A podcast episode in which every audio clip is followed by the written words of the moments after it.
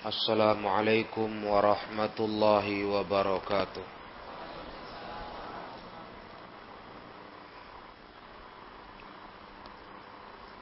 Innal hamdalillah nahmaduhu wa nasta'inuhu wa nastaghfiruh wa na'udzu billahi min shururi anfusina wa min sayyiati a'malina. May yahdihillahu fala mudilla lahu ومن يضلل فلا هادي له أشهد أن لا إله إلا الله وحده لا شريك له وأشهد أن محمدا عبده ورسوله يا أيها الذين آمنوا اتقوا الله حق تقاته ولا تموتن إلا وأنتم مسلمون يا أيها الناس اتقوا ربكم الذي خلقكم من نفس واحدة وخلق منها زوجها وبث منهما رجالا كثيرا ونساء واتقوا الله الذي تساءلون به والأرحام إن الله كان عليكم رقيبا يا أيها الذين آمنوا اتقوا الله وقولوا قولا سديدا يصلح لكم أعمالكم ويغفر لكم ذنوبكم ومن يطع الله ورسوله فقد فاز فوزا عظيما فإن أصدق الحديث كتاب الله وخير الهدى هدى محمد صلى الله عليه وسلم وشر الأمور محدثاتها فإن كل محدثة بدعة وكل بدعة ضلالة وكل ضلالة في النار أما بعد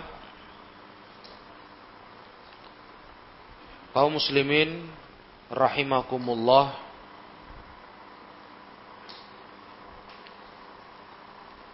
Kita lanjutkan pelajaran Kitabul Haji dari kitab Bulughul Maram min Adillatil Ahkam.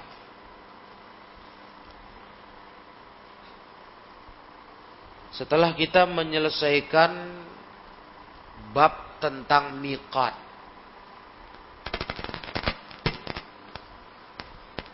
Tempat di mana orang berhaji dan berumrah memulai ihram.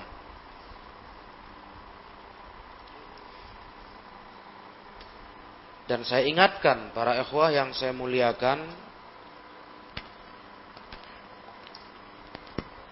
bagi jamaah haji gelombang kedua yang berangkat dari Indonesia yang langsung menuju Makkah untuk melaksanakan ibadah umrah sebelum ibadah haji. Maka miqat jamaah Indonesia tersebut adalah di Yalamlam. Berarti harus berihram, bertalbiyah ihram bertalbiyah umrah berihram saat tepat berada di atas yalamlam yakni di atas pesawat. Dengan teknis pakaian ihram boleh digunakan sejak di Indonesia sebelum terbang menuju Saudi Arabia. Atau mau berganti pakaian ihram di pesawat. Ingatkan ini kepada keluarga kita yang mau berhaji. Mudah-mudahan tahun ini sudah dibuka kembali. Jangan berihram dari mikot yang bukan mikot yang Nabi jelaskan. Yaitu dari Jeddah, bandara Jeddah. Ini bukan mikot. Bukan mikot. Itu sudah masuk areal melewati mikot yalamlam. Mestinya jemaah haji dibimbing untuk tidak berihram dari bandara Jeddah. Karena itu bukan mikot. Mikotnya adalah Yalamlam. Dan saat itu jemaah haji berada di atas pesawat. Ini sekedar mengingatkan para ikhwah. Karena ini terus jadi kendala jemaah haji gelombang kedua. Adapun gelombang pertama, maka tidak ada masalah karena jemaah haji gelombang pertama menuju Madinah. Ya. Maka ketika mereka di Madinah untuk berangkat ke Mekah menjalankan ibadah umroh, mikotnya adalah Zul Hulaifah. Kurang lebih 13 km dari kota Madinah. Nah setelah itu kita bahas para jemaah yang dirahmati Allah. Berikut ini adalah bab tentang wujubul ihrami wasifati. Tentang wajibnya berihram. Bagi mereka yang mau berhaji berumrah. Wajib berihram. Ya. Karena tanpa berihram ibadah haji dan umroh tidak diterima Allah. Kita harus berihram dengan meniatkan berihram, bertalbiyah dan mengganti pakaian dengan pakaian ihram. Bab ini berisikan satu hadis yang menjelaskan tentang bagaimana berihram bagi orang berhaji. Hadisnya dari Aisyah radhiyallahu taala anha ummul mukminin. Beliau berkata, "Kharajna ma'a Rasulillah sallallahu alaihi wasallam 'ama hajjatil wada'." Kami keluar bersama Rasulullah Shallallahu Alaihi Wasallam pada hari Haji Wada. Haji Wada, para jemaah adalah haji di mana Rasulullah Shallallahu Alaihi Wasallam seperti memberikan tanda perpisahan kepada para sahabat. Seakan-akan di situ Nabi memberi pesan kita nggak akan ketemu lagi. Itu namanya haji wada. Nah ketika itu kami dengan Rasul berangkat menjalankan haji wada. Bukan ini jenis haji ya para jemaah. Haji wada itu tadi maknanya.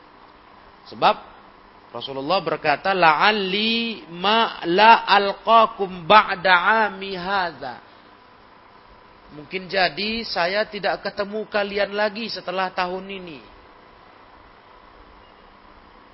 Itu maka dibilang haji wada, haji perpisahan dengan Nabi. Jadi bukan itu jenis haji. Bukan, tapi haji yang saat itu dikatakan Nabi tidak ketemu lagi dengan para sahabat. Sudah ada firasat Rasulullah Sallallahu Alaihi. Inilah pertemuan beliau dengan para sahabat yang terakhir kali. Faminna man ahalla bi umratin di antara kami kata Ummul Mukminin Aisyah ada yang ber ber ahalla bi umrah, ahalla bil umrah bertalbiyah. Itu ahal, arti ahalla mengucapkan talbiyah dengan umrah. yakni berihramnya berniat umrah. Wa minna man ahalla bihajin wa umrah. Ada pula di antara kami yang bertalbiyah dengan haji dan umrah. Ini musim haji nih para jemaah. Jadi di rombongan Rasulullah itu kata Aisyah radhiyallahu taala anha ada yang bertalbiyah dengan umrah saja. Ada. Ada pula yang bertalbiyah dengan haji dan umrah. Labbaik Allahumma hajjan wa umrotan. Dua-dua. Dia gabung. Ada yang bertalbiyah dengan labbaik Allahumma umrotan. Hajinya nanti. Ada pula wa minna man ahalla bihajjin. Ada pula di antara kami di rombongan itu yang bertalbiyah dengan talbiyah haji saja. Hanya berucap labbaik Allahumma hajjan. Jadi ada tiga macam ini para ikhwah yang dirahmati Allah. Kejadian di saat waktu itu. Tiga golongan di kalangan para sahabat yang berangkat dengan Nabi berhaji di tahun itu masing-masing dengan niat yang berbeda. Sekelompok orang berniat umrah, sekelompok lagi berniat haji digabung umrah, sekelompok lagi berniat haji saja.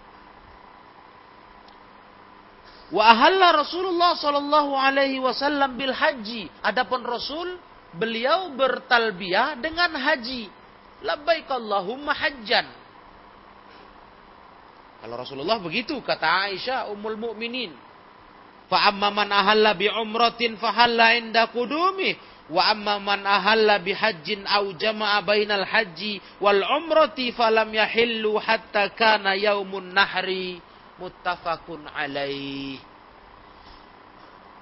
Maka kata Aisyah, adapun orang bertalbiyah dengan umrah, ahalla bi umratin, labbaik Allahumma umratan, maka dia pun bertahallul ber, ber, uh, berlepas dari ikatan ihramnya ya ini sudah lepas tahallul itu ketika sampai dia di Makkah selesai melaksanakan ibadah umrah. Tahallullah dia. Kembali bebas, tidak terikat hukum orang berihram. Adapun orang yang bertalbiah dengan haji atau mengumpulkan antara haji dengan umrah, mereka tidak boleh bertahallul sampai hari penyembelihan yaitu tanggal 10 Zulhijjah. Berarti terus mengenakan pakaian ihram tidak boleh bertahallul. Itu untuk yang berniat umrah, berniat haji atau mengumpulkan haji dan umrah. Adapun yang datang ke, ke Mekah waktu itu berniat umrah, maka dia bertahallul setelah selesai melaksanakan praktek amalan umrah.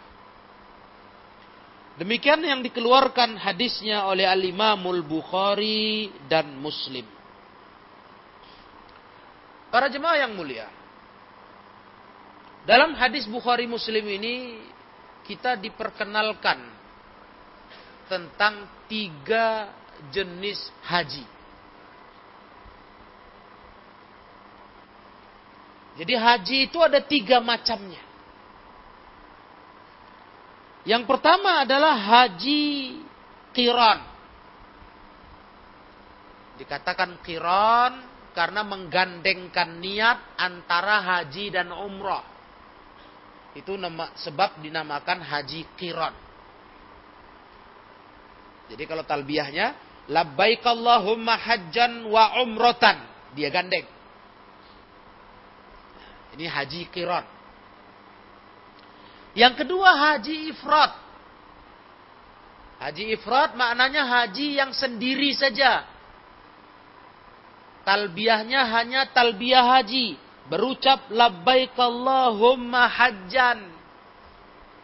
Ini namanya haji ifrat. Yang dalam hadis tadi, Nabi dengan haji inilah beliau berhaji waktu itu. Dengan versi hadis tadi. Ya. Beliau berhaji dengan haji ifrat. Kemudian yang ketiga namanya haji tamattu. Haji tamattu para ikhwah, itulah haji yang diawali dengan niat umrah, talbiyah umrah. labbaik Allahumma umrotan.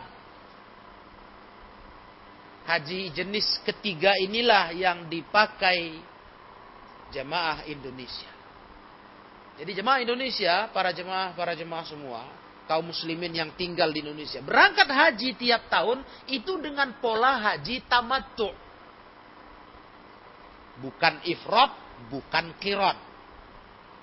Kenapa? Karena pelaksanaannya berangkat dari Indonesia ke tanah suci itu yang pertama sekali diamalkan umroh. Umroh. Baik yang menuju Madinah. Setelah praktek ibadah di Madinah, berangkat ke Mekah, singgah di Zulhulaifah, berihram untuk umroh. Yang berangkat ke Mekah pun langsung dari Indonesia begitu juga. Yang tadi kita bahas di lam-lam di atas pesawat. Juga bertalbiyah untuk umrah. Labbaik Allahumma umrotan. Nah, nanti di Mekah melaksanakan ibadah umroh, tawaf dan sa'i, tahallul dengan memotong rambut kepala. Ya, memotongnya, membotak lebih utama. Nanti kemudian setelah suci, setelah dalam arti berlepas dari status ihramnya, menunggu masa datangnya tanggal 9 Zulhijjah menuju Arafah. Nah, barulah mereka kemudian bertalbiyah haji. Nah, itu namanya tamattu. Jadi kenal ini para ikhwah. Mungkin selama ini banyak kita mengenal yang penting berangkat haji. Nah, ini jenis berangkat haji ke tanah suci ada tiga macam. Indonesia itu yang ketiga. Namanya haji tamattu. Umrah lebih dulu, terus tahallul, kemudian baru berhaji. Itu tamattu. Sedangkan kiron menggandengkannya haji dengan umroh sekali talbiyah. Langsung. Dengan prakteknya cuma sekali. Jadi amalannya tawafnya sa'inya cukup sekali. Walaupun digandengkan haji dan umroh itu kirat sedangkan ifrat itu adalah haji dulu. Datang ke Mekah langsung ikut ibadah haji talbiyah haji. Barulah setelah haji mengamalkan ibadah umroh. Umrohnya dibelakangkan. Itu haji ifrat. Nah ini yang perlu ikhwah para jemaah yang mulia mengenalinya sebaik-baiknya. Setelah ini kita tahu para jemaah yang dirahmati Allah tabaraka wa ta'ala. Dari hadis yang kita baca tadi, zohirnya memang Rasulullah Shallallahu Alaihi Wasallam berhaji dengan haji ifrat. Itu zohirnya. Ketika haji wada, itu Rasul berhaji dengan haji ifrat dari persaksian Ummul Mukminin Aisyah. Nah, dan inilah dalil para ulama yang berpendapat hajinya Rasulullah Shallallahu Alaihi Wasallam haji ifrat. Para ikhwah, dari tiga jenis haji ini, haji yang paling utama menurut ulama haji ifrat. Karena paling berat. Paling berat. Kenapa paling berat para ikhwah yang dirahmati Allah? Haji ifrat ini panjang panjang berihramnya. Setelah melaksanakan ibadah haji, dia tetap berpakaian ihram sampai mengamalkan ibadah umrah. Panjang. Kalau tamattu selesai ibadah umrah, berlepas pakaian umrah, tahallul, selesai. Nanti haji baru pakai baju umrah lagi. Eh, baju ihram. Umrah sudah selesai. Nah, jadi begitu para ikhwah yang dirahmati Allah tabaraka wa taala. Maka ifrad ini yang paling berat. Yang paling utama kata banyak ulama. Jadi kalau jemaah Indonesia mengambil yang sistem tamattu, ya karena memang dari Indonesia jatah kita di tanah suci itu panjang. Itu panjang. Artinya dimanfaatkan oleh pemerintah untuk tempo waktu kita di tanah suci itu diambil lama. Jadi keberangkatan kita tidak terasa singkat. Nah, jemaah Indonesia paling pas dengan pola itu hajinya haji tamattu. Ya, mereka berihram berihram umrah setelah mengamalkan ibadah umrah tahallul nanti masuk tanggal 9 Zulhijjah mulai tanggal 8 itu nah, itu mereka barulah bertalbiyah untuk haji. Itu jemaah Indonesia. Itu yang paling cocok memang para ikhwah. Nah, karena kita dikasih waktu tempo yang panjang. 40 hari dengan perjalanan. Nah, nah para jemaah yang dimuliakan Allah tabaraka wa taala. Permasalahannya sekarang muncul perselisihan di kalangan para ulama. Sebenarnya Rasulullah SAW itu hajinya apa? Apakah haji tamattu? Apakah haji ifrat? Apakah haji kiron? Apakah haji ifrat? Sebab menurut zohir hadis tadi kita perhatikan Rasulullah berhaji ifrat. Hanya talbiyah haji kata Aisyah. Tetapi menurut beberapa riwayat lainnya menunjukkan bahwasanya Rasulullah Shallallahu Alaihi Wasallam mengamalkan hajinya dengan haji kirat, menggandeng haji umroh satu niat. Menurut riwayat lain, ini perselisihan para ulama. Dan pendapat yang mengatakan Nabi berhaji dengan haji kiron itu diyakini oleh al-Imam Syekhul Islam Ibnu Taimiyah rahimahullah. Ibnu Qayyim rahimahullah dan banyak para ulama lainnya. Karena memang ada hadis lain dengan derajat yang sahih bahwasanya Nabi Shallallahu alaihi wasallam mengamalkan hajinya ketika haji wada itu dengan haji qiran bukan ifrat. Ya, para ikhwah yang dimuliakan Allah tabaraka wa taala. Yang terpenting bagi kita dengan adanya perselisihan di kalangan para ulama adalah ketiga jenis haji ini adalah jenis haji yang benar untuk diamalkan. Karena di haji wajah, di haji wada para sahabat mengamalkan tiga-tiganya. yakni mereka memilih mau ngambil kiron ada, ngambil ifrat bisa, mau tamatu pun juga, tidak masalah. Nah, inilah kata para ulama hikmahnya Nabi Shallallahu Alaihi Wasallam mengizinkan para sahabat mengambil tiga cara berhaji untuk menunjukkan ketiga-tiga cara ini dibenarkan dalam Islam. Nah, tinggal masalah mana yang utama, ya itu perselisihlah para ulama. Al-Imam Syafi'i sebagaimana tadi yang saya sampaikan kepada ikhwah. Al-Imam Syafi'i rahimahullah begitu pula pendapat dari Al-Imam Malik yang utama memang haji ifrat. Itu pendapat Imam Syafi'i. Jadi kalau Indonesia masyarakat Indonesia yang mengaku Syafi'i sesungguhnya kalau versi Imam Syafi'i yang utama itu ifrat. Ya, menyendirikan haji saja selesai haji baru umroh tapi itu berat. Nah lama lama kita terikat hukum ihram. Lama.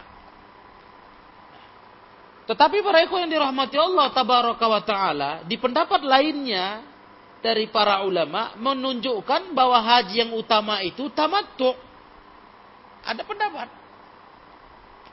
ya, maka saya katakan kalau Indonesia memang bermadhab syafi'i yang betul-betul Imam Syafi'i, ya akui dulu. Yang utama itu ifrat. Perkara tamattu bukan yang paling utama. Itu kalau versi madhab Imam Syafi'i. Ya. Al-Imam Syafi'i menganggap pendapat yang paling utama dalam berhaji ifrat. Jadi kita katakan tadi, kalau di Indonesia yang ngambil tamattu, jangan berpendapat itu yang paling utama. Karena kalau berpegang dengan syafi'inya, itu bukan paling utama. Maka katakan saja, kita hanya mengambil model haji, jenis haji yang paling cocok dengan aturan e, keberangkatan kita. Itu paling tepat. Artinya saya tidak ingin para ikhwah bermain-main dengan pendapat ulama. Kalau cocok dengan nafsu, cocok dengan selera, maka sibuk. Masyarakat berkata, kami syafi'i. Begitu kurang tepat, kurang cocok, kurang berkenaan dengan amalan yang diamalkan. Nah, berhubung ada amalan lain yang lebih gampang, lebih mudah, berpindah pendapat. Mesti kan nggak seperti itu. Ya, mestinya konsekuen.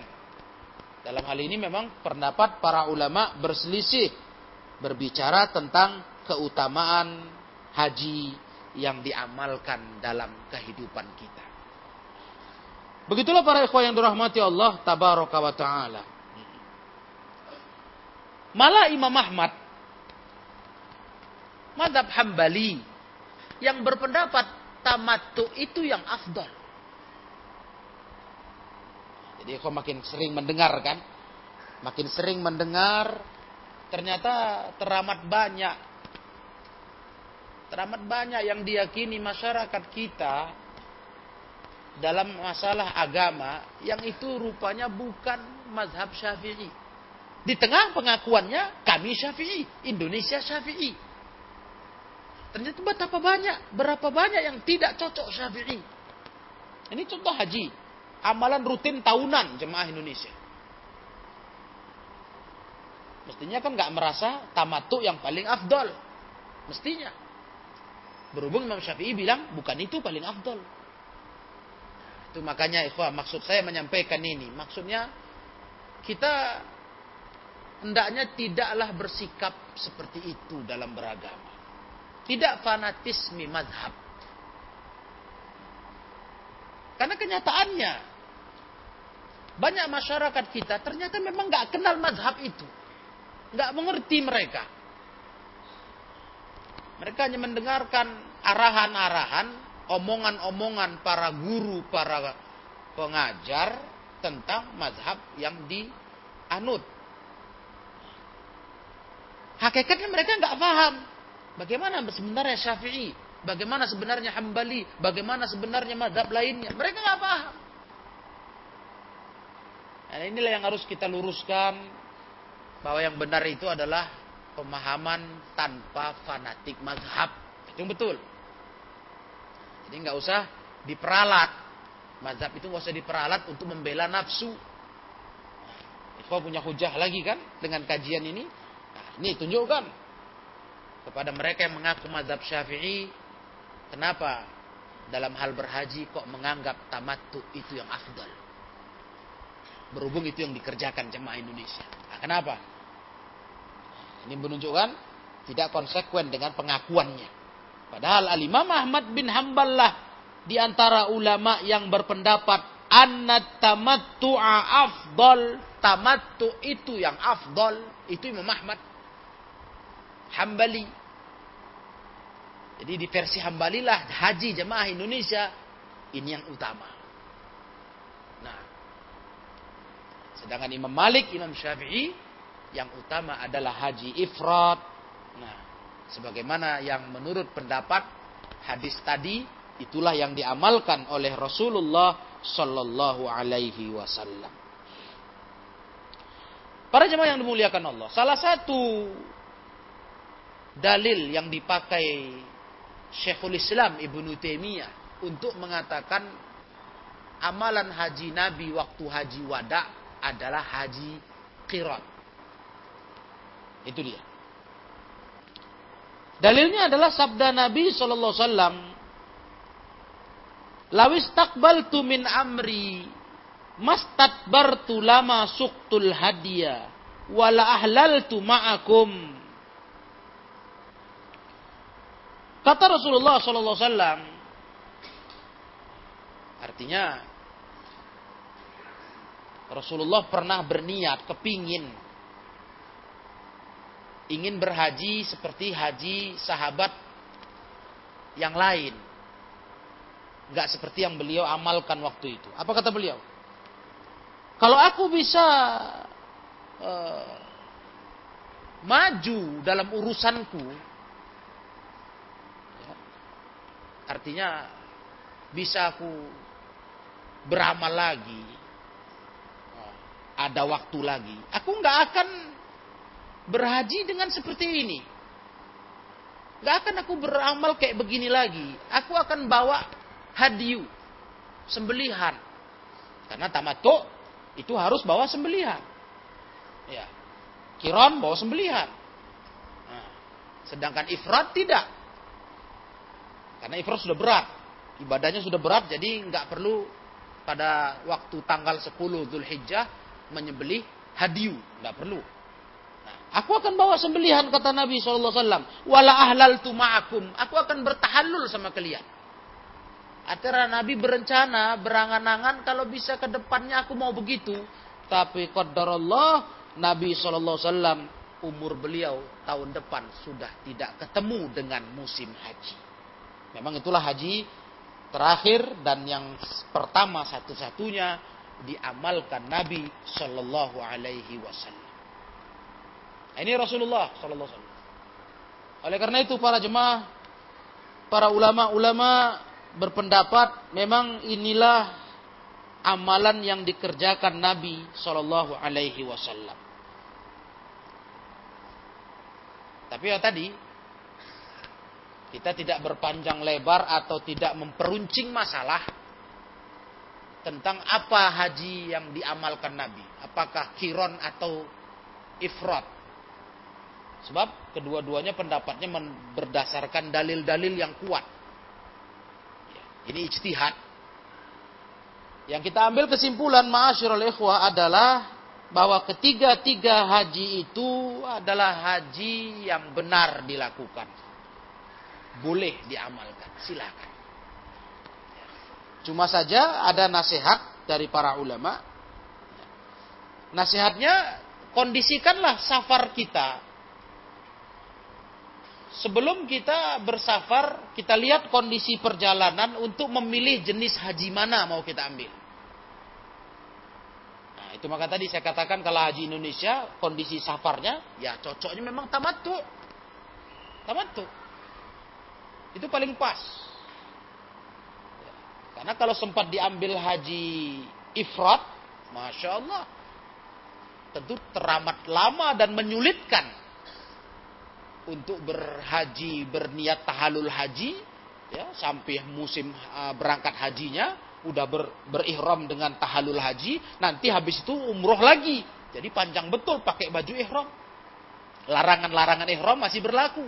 Berat maka kata para ulama, fa in kana yusafiru safratan lil umrati walil haji safratan ukhra ayyusa aw yusafira ila Makkah qabla ashhuril haji wa ya'tamir wa yuqimu fi bi, wa yuqimu biha fa hadzal ifradu lahu afdal. Nah, ini nasihat ulama.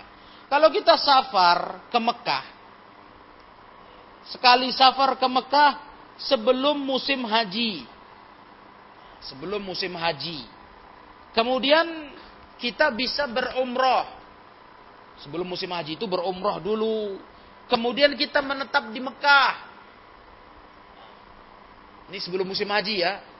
Kalau musim haji kan dimulai dari bulan Syawal. Jangan lupa ya, Musim haji itu bulan Syawal, bulan Zulqa'dah, Zulhijjah. Ini dia berangkat sebelum musim haji. Udah berangkat ke Mekah. Di sana dia bisa umroh, Kemudian dia bisa menetap menunggu masuk musim haji. Nah, untuk orang begini yang utama haji dia ambil ifrat saja. Ifrat. Nanti pas sudah masuk mau amalan ibadah haji, udah mau tanggal 8 Zulhijjah, baru bertalbiyah haji. Nah, itu enak begitu. Kalau dia masuknya masih lama lagi dengan musim haji. Nah, ini yang pertama. Adapun kalau dia mengumpulkan antara haji dengan umroh niatnya dalam satu safar, niat dalam satu safar, berangkat dia. Sampai dia di Mekah dalam kondisi sudah masuk bulan haji. Sudah. Dan dia berniat memang mau menggabungkan saja agak repot rasa dia memisahkan haji umroh. Udah satu niat ihram, dua amalan haji umroh. Labbaik Allahumma hajjan wa umrotan. Maka yang utama bagi dia haji qiran. Jadi melihat kondisi dia. Karena bukan tidak mungkin ya, ada orang yang memang keterbatasan waktu dia merasa repot kalau harus memisah dua jenis ibadah ini, haji umroh. Maka gabungkan saja buatlah hajinya haji kiron. Begitu. Nah, kemudian kalau ternyata dia memang tidak membawa hadiu, ya, tidak membawa hadiu, nah, kemudian waktunya lapang sejak musim awal haji, musim haji sampai e, pengamalan tanggal haji, maka lebih utama dia mengamalkan haji tamattu kayak Indonesia. Ini yang bagus tamattu. Karena cocok. Kita berangkat ke tanah suci udah masuk musim haji. Sudah. Bulan Syawal sudah masuk haji, bulan haji. Nah, di situ kita berumrah, selesai umrah tahallul, sudah bersih, ya kita tinggal santai menunggu masuknya tanggal 8 Zulhijjah yang biasanya kaum muslimin bergerak menuju Mina, tanazul. Nginap di Mina pada malam bulan Arafah, 9 eh, Arafah, paginya berangkat ke Arafah menjalankan wukuf di Arafah. Ini yang pas.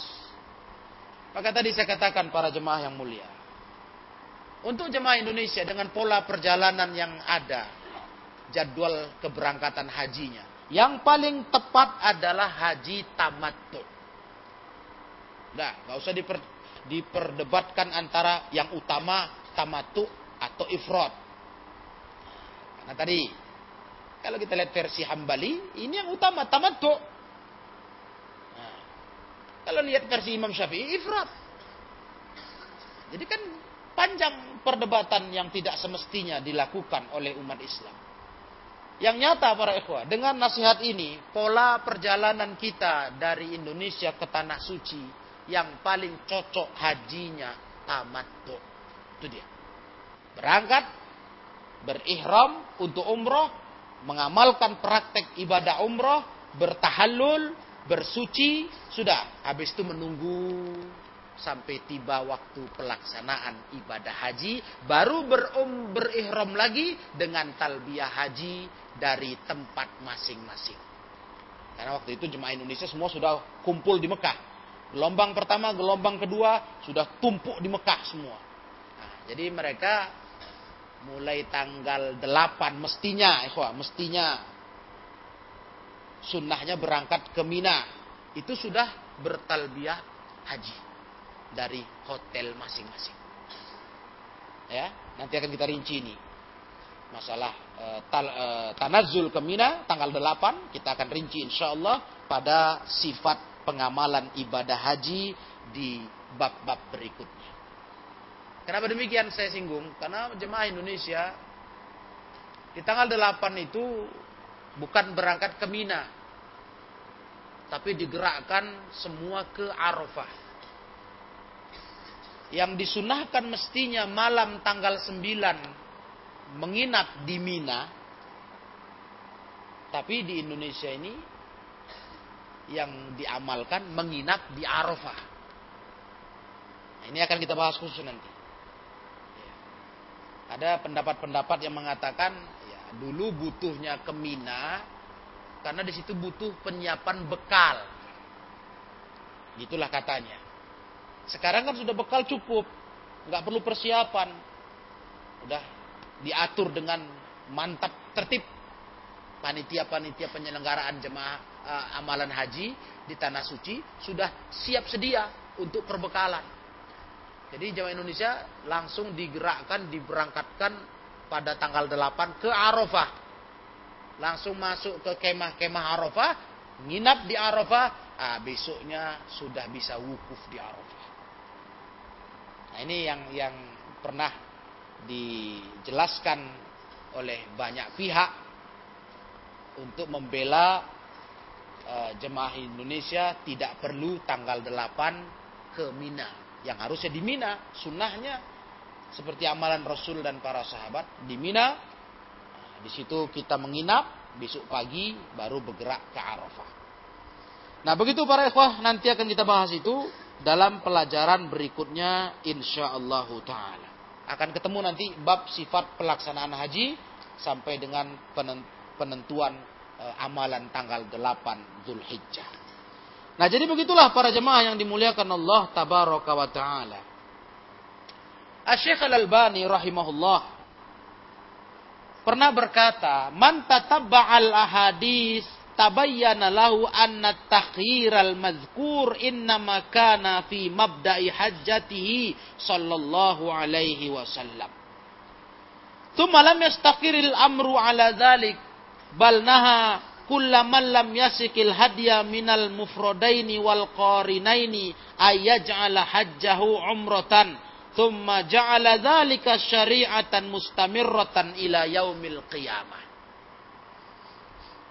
Asyik Al-Albani ada memberikan keterangan terkait masalah adanya orang yang merubah niat haji ke umroh. Niat haji ke umroh.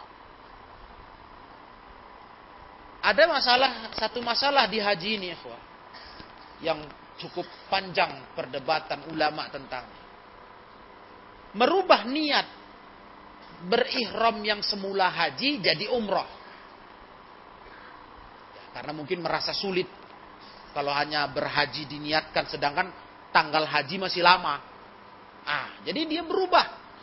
Ah, berat kali ini pakai baju ihram sampai tanggal haji tanggal 8. Dia niatnya haji ifrat.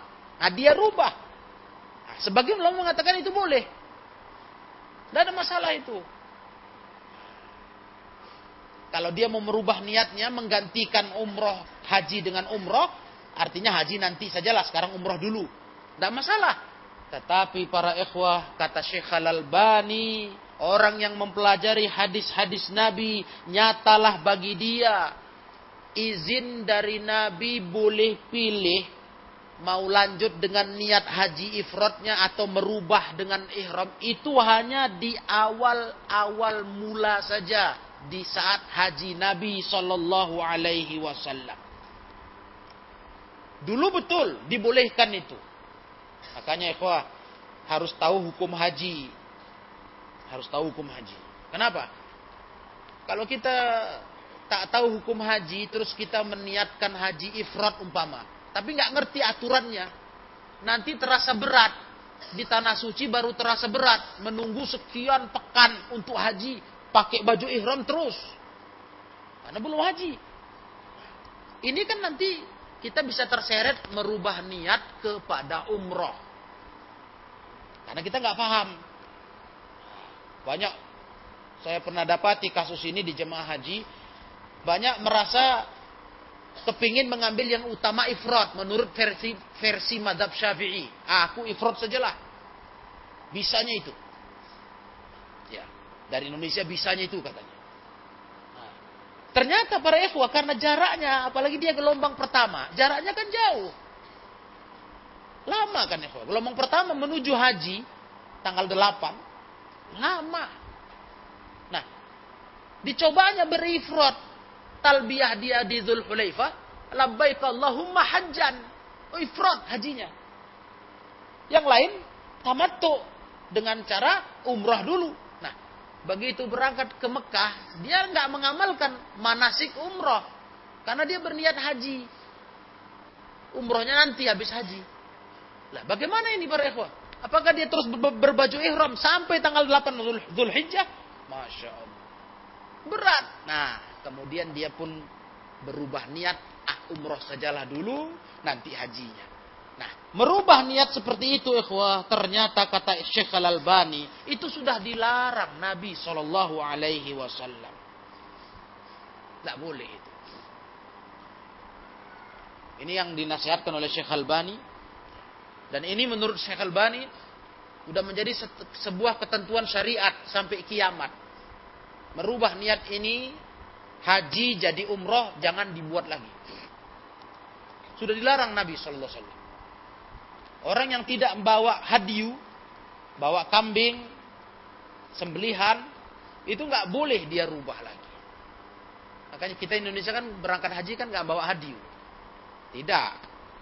Nah, kalau betul ada yang berani dari Indonesia meniatkan haji ifrat, maka dia harus tanggung resikonya.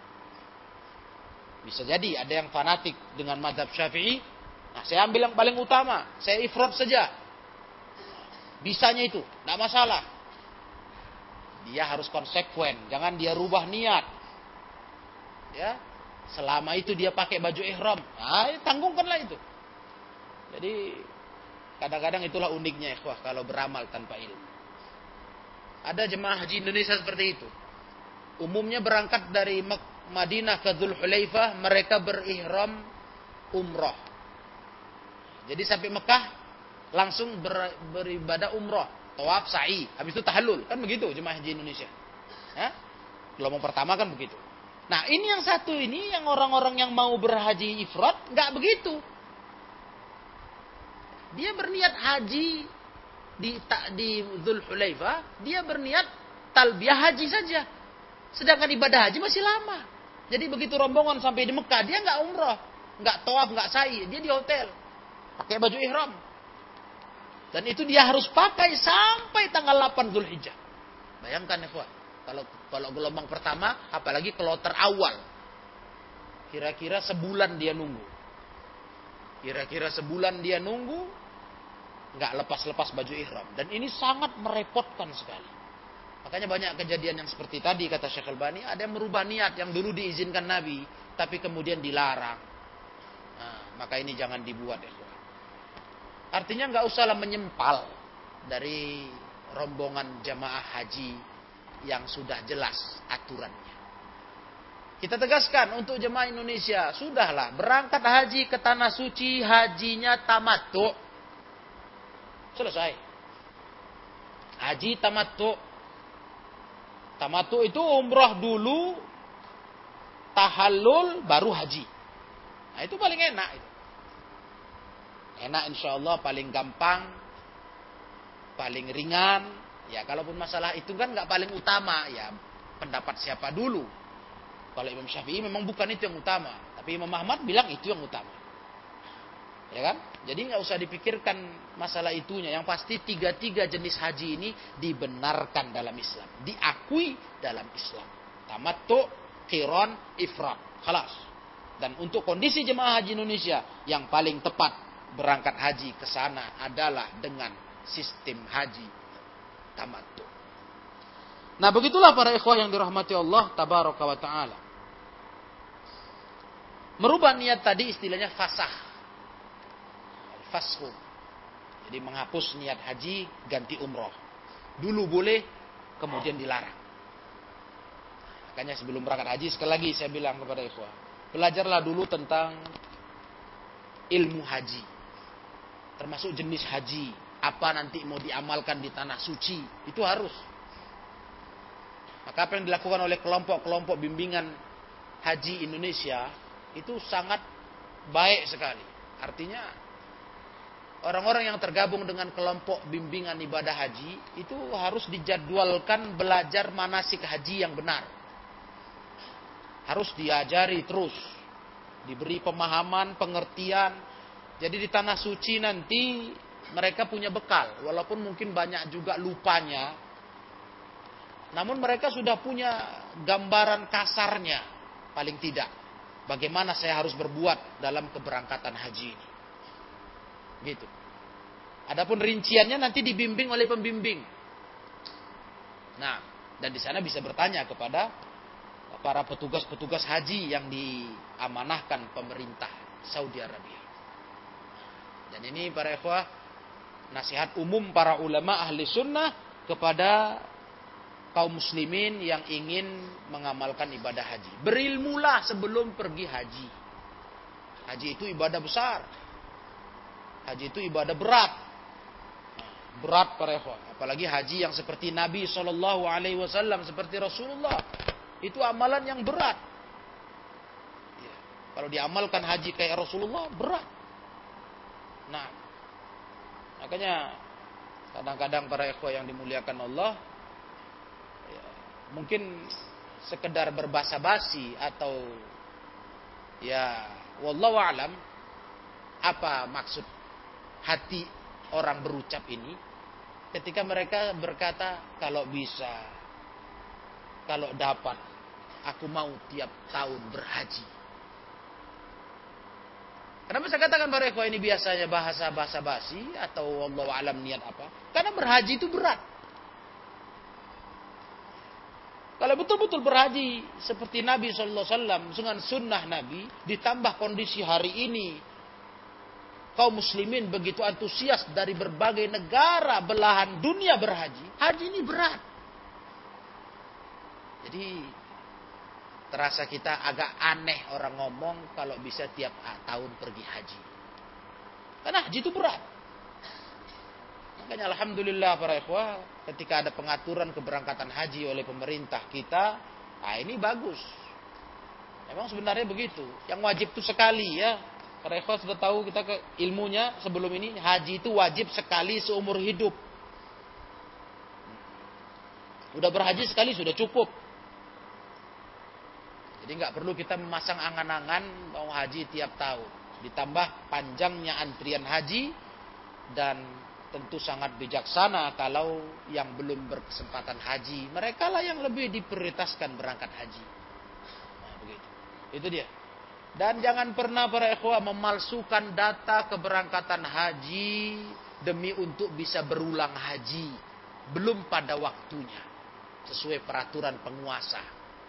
Tidak boleh itu. Itu dosa. Dosa itu para ikhwah yang mulia. Karena aturan yang diatur oleh pemerintah kita adalah aturan untuk kebaikan masyarakat dalam hal pengaturan keberangkatan haji. Mereka yang belum sampai lima tahun sudah mendaftar lagi dengan memanipulasi data, nah ini sebuah dosa. Untuk apa berangkat ke tanah suci, mengamalkan ibadah istimewa, tapi dijalani dengan jalan dosa. Ini nggak pantas sekali. Mestinya kita berangkat ke tanah suci menjalankan ibadah haji itu dengan e, prosedur yang benar, prosedur yang lurus. Ya, biar kita bisa mendapatkan keutamaan haji mabrur, haji seperti Nabi Shallallahu Alaihi Wasallam. Nah, jadi demikianlah para ikhwah yang dirahmati Allah tabaraka wa taala. Bab ini satu hadis di dalamnya menceritakan tentang tiga jenis haji. Ya. Dan ini berarti terkait dengan talbiyah dalam berihram. Maka talbiyah itu ada tiga jenis ya. Yang pertama talbiyah haji ifrat, labbaik Allahumma hajjan. Itu lafadznya. Dan ini mungkin nggak kita kerjakan karena kita nggak berhaji ifrat. Yang kedua talbiyah haji kiron. Kiron berarti digabung dua amalan haji umroh. Talbiyahnya labbaik Allahumma hajjan wa umrotan. Dan yang ketiga, ini yang kita amalkan. Talbiyahnya talbiyah haji tamattu. Berarti talbiyahnya dipisah. Yang pertama, labbaik Allahumma umrotan saja. Untuk mengamalkan umroh. Nanti tanggal 8 Zulhijjah kita mau e, menuju Mina pagi hari menuju Arafah, nah, di sinilah kita bertalbiyah haji labbaik Allahumma hajjan dari hotel kita. Ya, karena peraturannya begitu ya, Bagi orang yang berada di areal miqat, kayak jemaah haji yang sudah di Mekah, itu mulai talbiyah dari tempat tinggal masing-masing, dari hotel. Di situ kita ganti pakaian, kita bertalbiyah haji, dan kita berangkat menuju ke Mina pada tanggal 8 Zulhijjah. Ya demikian para ikhwah, satu bab ini yang dapat kita tambahkan untuk kajian malam ini. Yang berikutnya kita baru akan masuk babul ihram wa ma yata'allaqu bih. Bab tentang ihram dan hal-hal yang terkait dengan ihram. Ya, ini babnya mulai merinci, mulai mendetail hal-hal yang terkait dengan amalan ihram. Ya mudah-mudahan para ikhwah. Dengan mengilmui masalah haji. Itulah langkah pertama kita. Belajar tentang haji, tentang ihram. tentang aturan-aturan haji. Mudah-mudahan ini sebuah doa kita untuk bisa menjadi hamba-hamba Allah yang berkesempatan mengamalkan ibadah tersebut. Begitu harapan kita. Ya. Karena Allah tabaraka wa taala sebagai tempat kita meminta, mohon, tentunya mendengarkan doa hamba. Kesungguhan hamba. Keseriusan hamba untuk mengamalkan ibadah ini. Jadi kepada ikhwah yang saya muliakan, jadikan kajian ini pelajaran kita di Kitabul Maram, Kitabul Hajj ini sebagai salah satu doa kita, upaya kita, harapan kita untuk diberi Allah kesempatan sebelum Allah panggil kita menghadapnya, kita dapat menjalankan ibadah haji dengan sebenar-benarnya.